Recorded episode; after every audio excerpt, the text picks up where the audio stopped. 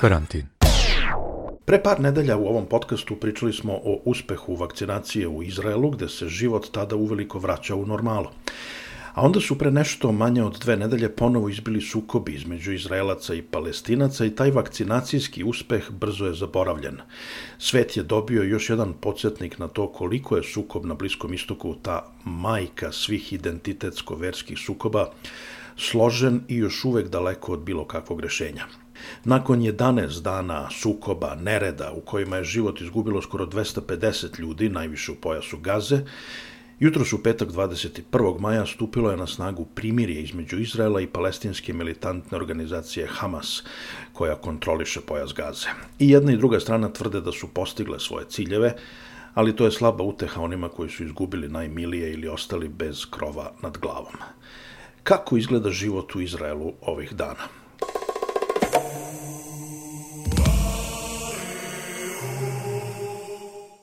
Ja sam Aleksandar Kocić, a moj današnji gost je Ana Parabucki, naučna saradnica Instituta Weizmann. Ana, kako jutros izgleda Tel Aviv?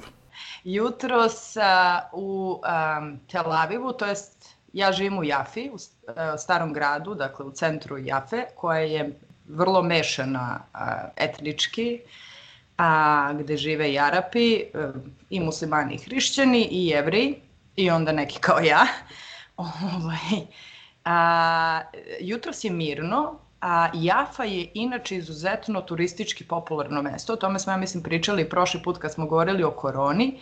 A, poslednjih desetak dana Jafa je potpuno prazna, što zbog raketa, dakle što zbog a, mogućnosti vazdušnih uzbuna i tako dalje, ali pre svega zbog lokalnih nemira koji su E, rekla bi, e, pa ja sam u Izraelu 8 godina, za ovih 8 godina toga tako nije bilo, tako da je ovo bilo, neki kažu, maltene začetak treće intifade.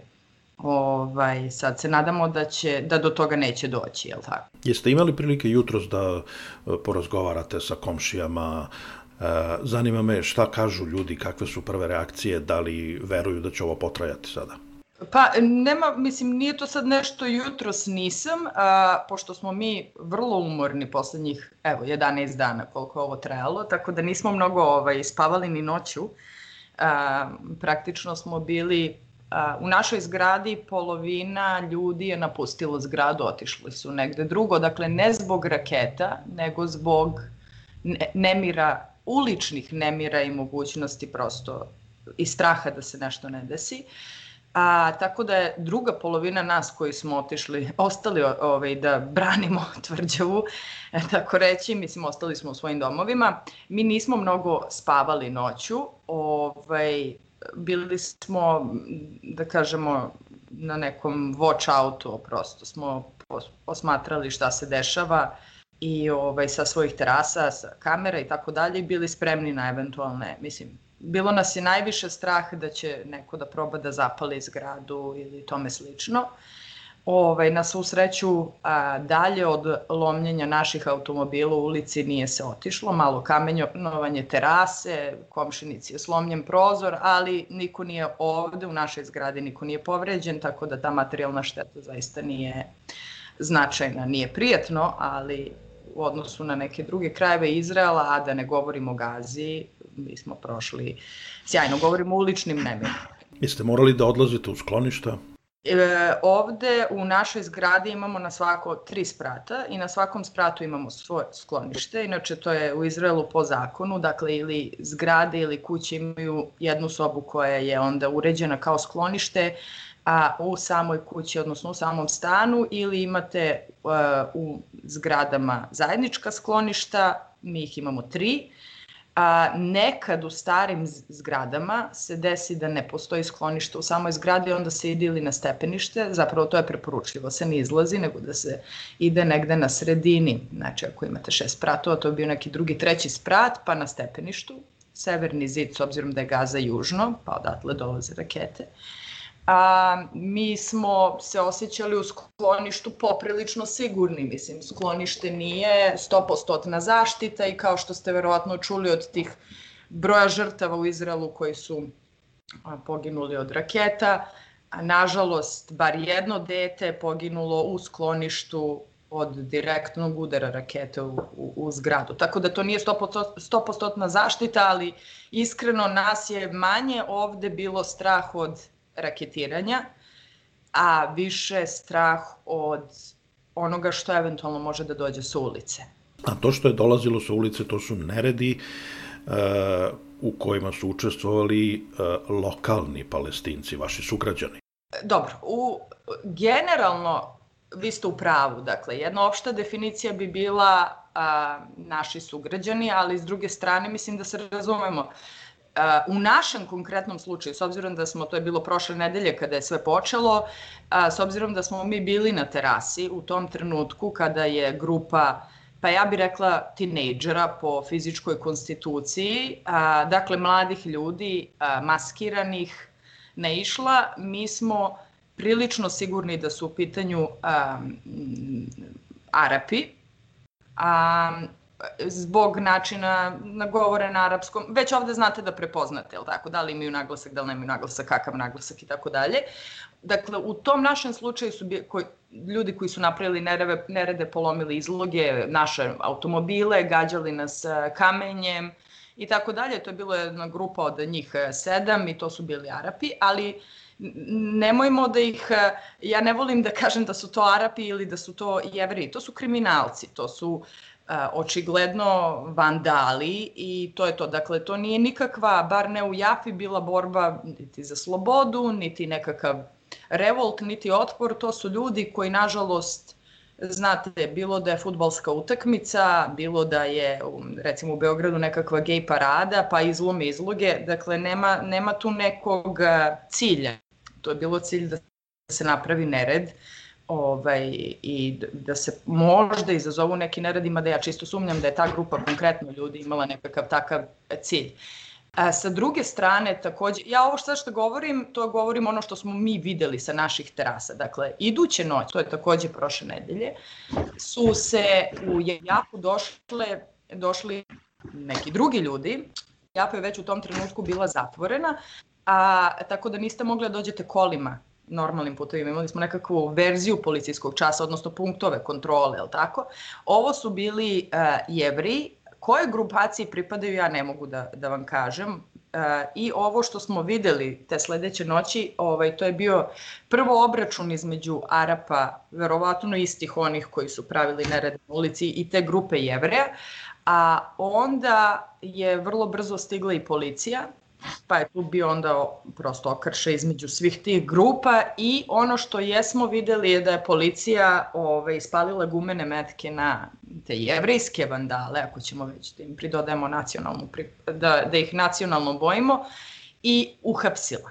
Čujem i drugačije priče, ja samo govorim o onome što smo mi prosto videli sa naših terasa i prosto zašto mogu da tvrdim da je tačno, jer, znate, nije došlo iz novina ili sa Facebooka ili tako da, ovaj, tako da su ti mladi jevri ovde došli da vandalizuju onda arapsku imovinu, pretpostavljamo, ali s obzirom da su se skupili tu pored naše zgrade je i, i e, e, džamija, pretpostavljam da je to bio cilj, znači da se vandalizuje taj S tim što i jedni i drugi, ja moram da kažem, kada dođe ovako mešane kreve, vidite, ne možete vi da napravite razliku da li, su, da li automobil Ane Parabutski iz Beograda, nekog lokalnog jevrina ili Arapina. Dakle, sve što je lomljeno, sve e, radnje, sve automobili, prosto ne možete napraviti razliku. Zato i kažem da su u pitanju vandali koji u naj, po, po mom mišljenju za cilj imaju prosto vandalizam, ništa drugo.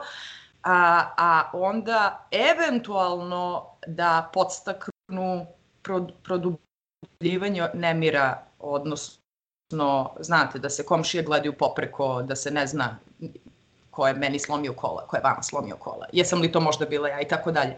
Ja se nadam da do toga neće doći i za sad se Jafa drži ovaj, dosta dobro zbog prosto dobro susedskih odnosa koji su ovde za razliku ovde su a, na prilično visokom nivou. To je, e, pitam vas ovo zato što ono što je e, možda drugačije u odnosu na a, ranije ovakve a, e, sukobe u Izraelu između Izraelaca, između izraelske vojske pre svega i palestinskih militanata jeste što su sada izbili sukobi neredi u samim izraelskim gradovima sa mešanim stanovništvom. To se obično nije dešavalo i to je sada drugačije nešto. Ne, da kažem opet nije bilo, mislim, ovo je prvi put.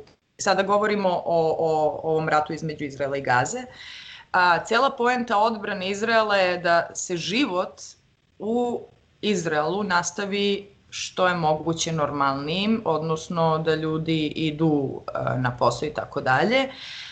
U zavisnosti od eskalacije, ja nisam prosto vojni analitičar, a nemam ni neke kontakte pa da mogu da vam kažem, a, ali do, sad, do, do sadašnjem iskustvu obično škole rade, ne u pojasu gaze i ne u južnim gradovima, ali govorim o nama ovde malo dalje, nekih par desetina kilometara dalje, Sada su školi i vrtići bili zatvoreni, to je verovatno zato što je ova, ova desetno, deseto, 11-dnevna e, borba bila žešća, pa onda prosto sigurnost nije mogla da bude garantovana. A, mi nismo išli na posao svakodnevno, dakle u, na, u onom trenutku prošle nedelje kada je bilo najžešći što se tiče raketa, a prosto i što se tiče nas na ulici, i do prodavnice smo išli prosto svi zajedno, dakle nismo se razdvajali, govorim komšije, uvek po troje četvoro i tako dalje, jer nije bilo sigurno na ulici.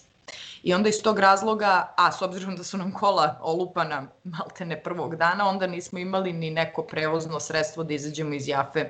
Autobusi nisu radili, taksisti nisu dolazili u Jafu. Bili smo na neki način ne sad sasvim odsečeni, to bi bila laž, jer ipak moglo je da se izađe, ali nismo se osjećali uh, sigurno da idemo, da idemo na posao, tako da ovaj, inače i preporuka da ukoliko je takva neka situacija koja ne garantuje sigurnost da se ne dolazi na posao, mislim da se ne izlazi iz kuće. Koliko često ste morali u sklonište? Pa prvog e, dana, o, ja vidim otprilike šta se piše u novinama, a on, Hamas je stalno pretio I sada je rekao da, da nešto opet da gađaju Tel Aviv. Evo, poslednja tri dana nisu gađali Tel Aviv, iako su pretili, davali vreme i tako dalje, kaće.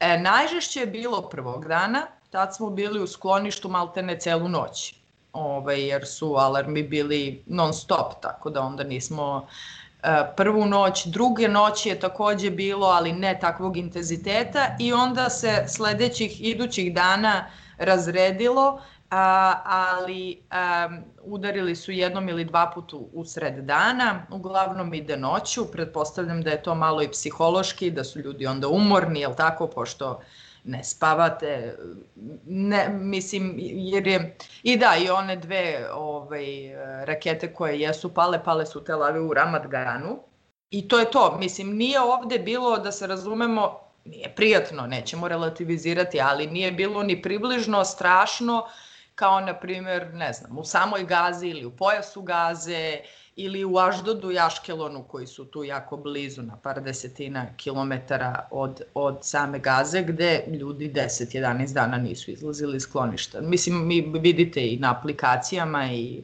to je non stop bilo. A kažete mi, kod vas u Jafi, kažete da uglavnom je život između izraelskih jevreja i Arapa tekao dobro. Da li mislite da će to sada promeniti? Da li su ovi neredi ipak zadali udarac toj nekakvoj harmoniji ili Sigurno da jesu, sigurno da jesu. Mislim, mi razgovaramo, najviše se razgovaralo preko um, neke Facebook grupe lokalne koje, u koje se nalaze ljudi koji žive ovde u, u Jafi. Prosto vidi se tenzije, isplivavaju neke stvari, znate, koje se možda tako potiskuju decenijama ili godinama.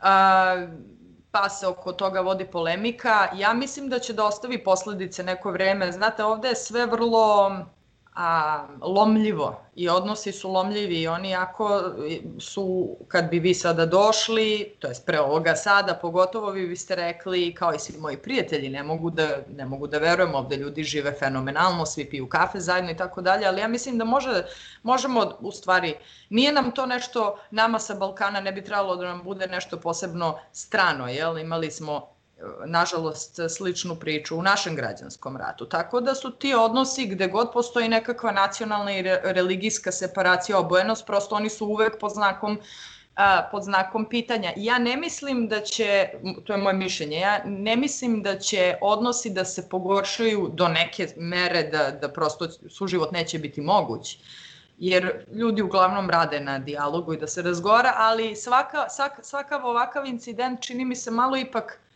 ovaj, nekoliko koraka unazad pomeri celu priču, a ta priča o kojoj ja pričam sada, to, to, to nije, znate, za danas i za sutra, nego za eventualno formiranje dve države na ovim prostorima u budućnosti. Zato su ti komšijski odnosi važni a, i najvažniji pre svega. Kad razgovarate sa komšijama, bili oni jevreji, bili arapi, uh, koliko su ljudi tamo gde vi živite u Jafi, koliko su ljudi umorni od svega ovoga? Mislim, ovo traje jako dugo. Pa se smiri, pa se ponovo onda proključa, pa se smiri i tako u nedogled. Koliko su ljudi u Izraelu umorni od svega ovoga ili su navikli pa kažu tako je kako je? Ima, ima i, mislim, ima navike, definitivno da su navikli, što je loše, ovaj, bar po meni. Uh, a, nije im to nešto sad, naravno, ne, vidite, nikad ne možete da se naviknete pa da kažete pa dobro, sve je u redu, nema veze. Ne, ne, naravno da nije tako, ali navikli su da ovakvi talasi najđu pa prođu. Um, to jeste, da su umorni, umorni su, ali e, prosto ovde je sentiment izražen jak i kod jednih i kod drugih vezano za ovu zemlju i ja lično ne mogu da imam neki da se identifikujem, jel? Da sad ja vama kažem, ja potpuno razumem kako se osjećaju ili znam kako se osjećaju jedni drugi, jer stvarno ne znam i mislim da je teško za nas sa, sa strane, bez obzira, evo i za mene koja živim ovde 8 godina, da, da razumem taj sentiment i e, tako da on održava ljude i ovde, dakle drži ih ovde, taj isti sentiment, a sa druge strane e, a, daje im snagu da decenijama i generacijama prosto prolaze kroz iste stvari. Dakle, i Arapi koji su ovde fakat starosedeoci, dakle, žive ovde generacijama unazad, a onda jevreji koji su imali e, opet pa svoju istoriju kada im je data prilika, pogotovo kada im je data prilika u nekoj svoje pra, prapostojbini da naprave državu, ovaj, jedni i drugi izuzetno svojataju um, ovu zemlju i čini mi se da je to ono što im daje snage sad, bilo to dobro ili loše, ja stvarno ne znam, ali je tako i to je prosto ne znam, mož, mislim, to je ono što je, što je, što je najvažnije razumeti kada, kada pričate o Bliskom istoku.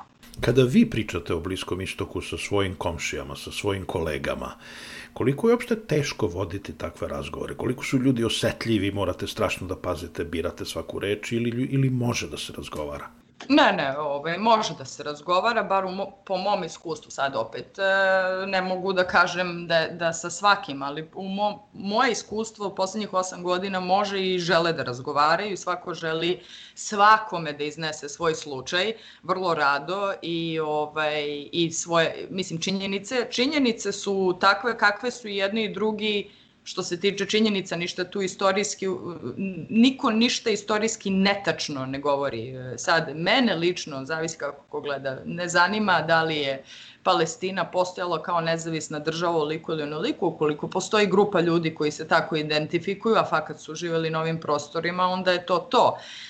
Um, ali, ovaj, ali u svakom slučaju jedni i drugi, jedni i drugi vrlo rado a, govore, pogotovo sa strancima a i među sobom. Znači, to je neka stvar, prosto politika, jel, leba i gara. Ovaj...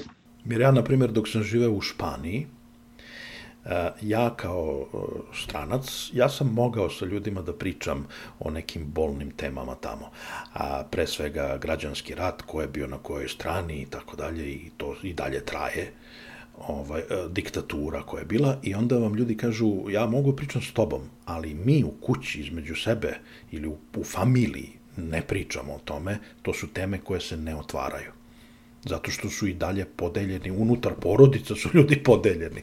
Ovde se i tekako otvaraju i između njih mislim jevreja i Arapa e, međusobno i u skafu i u familijama i kad dođu stranci, to je nešto ovaj, prilično drugačije i svako želi da kaže svoju priču. Moj utisak je pa i možda i nije utisak, ali neko objektivno, e, neki objektivan zaključak je, znate, ne, nema pravde. Postoje situacije kada kakvo god rešenje da donesete, ono nije pravično i to je nekakav oksimoron zašto će, ako je pravično za jednu grupu ili za broj ljudi, neće biti za drugu. I opet imate činjenice i, i na jednoj i na drugoj strani i emocije na jednoj i na drugoj strani, i opravdanja i na jednoj i na drugoj strani. A, I onda u ovom slučaju Bliskog istoka rešenje ipak treba tražiti a, u nečemu što će da donese mir i stabilnost i prosperitet za sve grupe na duži period. Dakle, ono prošlosti koje ima pra, prosto nekad nekad ne uspeva i na tome zasnivati slučaj ovde mislim da je da, da je da je loše i da, da bi bila loša odluka. Dakle, pravda je prosto nekad nedostižna zato što ne postoji, pogotovo kad uzmete dug istorijski kontekst ili vremenski period. Znači, ne možemo gledamo samo 10 dana, možemo gledamo decenijama unazad, ili od 48. ili od pre 48. Tako da je zaista, nije, ko što obično nije crno i belo, ali ovde je stvarno obojeno svim nijansama i jako je teško a, iznaći neko pravo rešenje, a, pra, a rešenja da se svi slože oko njega, takvog rešenja prosto biti neće. S jedne strane, Izrael uživa tradicionalno veliku političku podršku zapadnih zemalja, pre svega Sjedinjenih država, Ali evo sad sa ovim uh, najnovijim sukobom ponovo vidimo da uh, javno mnjenje na, u, u drugim zemljama u ostatku sveta uh, uglavnom osuđuje Izrael zahteva ili očekuje da palestinci dobiju bolje uslove za život i jednog dana svoju državu.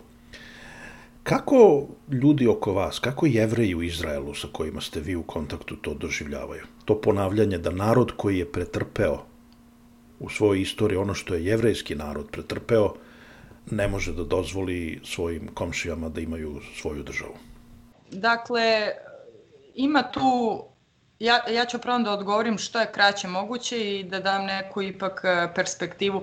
Prvo, podrška jednima ili drugoj, govorimo o javnom mnjenju, a pogotovo danas uh, kada, kada postoji internet, pa onda sa nekim istinitim vestima, informacijama koje je većini ljuda, ljudi dosadno, dakle ljudi ne izučavaju ni istoriju, ni um, izvore, niti se informišu iz izvora koji su adekvatni, onda su u pitanju, nažalost, hashtagovi i slične stvari koje su prosto u trendu, dakle, popiću kafu jutros i onda ću možda na neki protest download, da, e, downloadovaću uh, uh, palestinsku zastavu, neko će da promaši, pa će to da bude zastava neke afričke države i tako dalje koje liči. Uh, I to je, mislim, isto ok, ali s druge strane i gadno. Takvi protesti ne pomažu, ja, moj utisak je bio da takvi protesti zapravo lepo imati podršku to, to je nesporno. Ali jedni i drugi protesti, proizraelski, propalestinski, a većina ih je bilo propalestinskih, ovde ne pomažu. S jedne strane daju pogrešnu sliku stanovništvu koje a, ima probleme, govorimo o palestinskom stanovništvu, a pogotovo ljudima u Gazi i u zapad, na zapadnoj obali, daje je, je, jednu lažnu sliku da zapravo e, neko drži njihova leđa. Niko ne drži ničija leđa, ovde su sve u pitanju političke igre kad govorimo o zemljama mimo Izraela i Palestine, ali tako govorimo o tim drugim zemljama za koje kažete da podržavaju, ne, oni svi imaju neku svoju računicu. Tako da to a, to što ljudima da nekakvu snagu i ja smatram da, da, da je loša stvar u ovoj priči. S druge strane, Izrael tradicionalno Izraelci, govorimo o jevrima, se onda osjećaju kao da su opet na nekom tapetu i da je u pitanju antisemitizam i za jedan broj njih nema veze šta kažete, ako ste stranac i osuđujete Izrael, pravo Izraela da se brani, to je automatski antisemitizam i onda sa treće strane svakako da postoji antisemitizam i kad kažem antisemitizam ne samo onaj protiv e, okrenut kao mržnja ili a, protiv jevreja, već i ovaj protiv Arapa i s jedne i s druge strane, je tako? Postoje samo stvar da neko ne voli muslimane ili ne voli Arape, a neko ne voli jevreje i onda se klanja jednoj ili drugoj strani u zavisnosti od toga. Vi ste u Izraelu, kažete, 8 godina i pretpostavljam da nameravate da ostanete bar još neko vreme. E, da li mislite da ćete dok ste vi tamo videti rešenje i pomirenje? Dok sam ja, pa ne. Ne, ne. Ne mislim ni za vreme naših života. Mislim, živeli ili ne živeli ovde, nažalost. A, problem, mislim, prosto Ne, ne, ne mislim, a ne vidim ni da, a ne mislim ni da postoji sem, sem Twitter pritiska, tako zove, mislim, to je, to je prosto bez veze, dakle, ni da postoji nekakva želja u smislu internacionalne zajednice da se ovo rešenje trajno reši. Zašto je to tako, pitanje je za neke geopolitičke analitičare, ne za mene, ali ovaj, definitivno da se drži status quo na ovim prostorima, ako se ovo može nazvati statusom quo. I kažite mi, evo, mi razgovaramo petak ujutru, e, par sati nakon što je stupilo na snagu primirje. E, kod vas je počeo vikend. Kako ćete da provedete ovaj vikend? A, nećemo ni ovog vikenda, bar mi ovde nigde ići. A, poneko opravlja kola, poneko razmišlja gde da se parkira nakon što su kola opravljena. A, tu ćemo biti u lokalu. Još uvek, e, nemamo strah, ali još uvek nije sve, da kažem, u Jafo i dalje prilično prazna, ljudi i dalje nisu ovde bez obzira što je dosta sigurno, što imamo ovaj, policiju i vojsku koji patroliraju noću, ne znam je li to dobro ili loše više. Ovaj, mislim, dobro je što se tiče sigurnosti neke, loše loše, prosto nije vam prijetno to da vidite, nisu stvari normalne. Ovaj, tako da, ne, ne, mi ćemo da probamo se naspavamo pa da sledeću radnu nedelju tamo od nedelje započnemo kako Bog zapoveda. Radio karantin. Bila je to Ana Parabucki u razgovoru za Radio Karantin. U sredu 26. maja naš gost je lekar iz Kelna Dani Milovanović, sa kojom pričamo o neželjenim posledicama vakcina. Naš rad inače u potpunosti zavisi od vaših donacija. Svaka pomoć i ona najmanja znači nam mnogo. Možete nas podržati stalnom mesečnom ili godišnjom donacijom na Patreonu ili jednokratnom uplatom Paypalom. Linkovi za uplate su na našem sajtu radiokarantin.eu. Čujemo se uskoro ponovo. Pozdrav!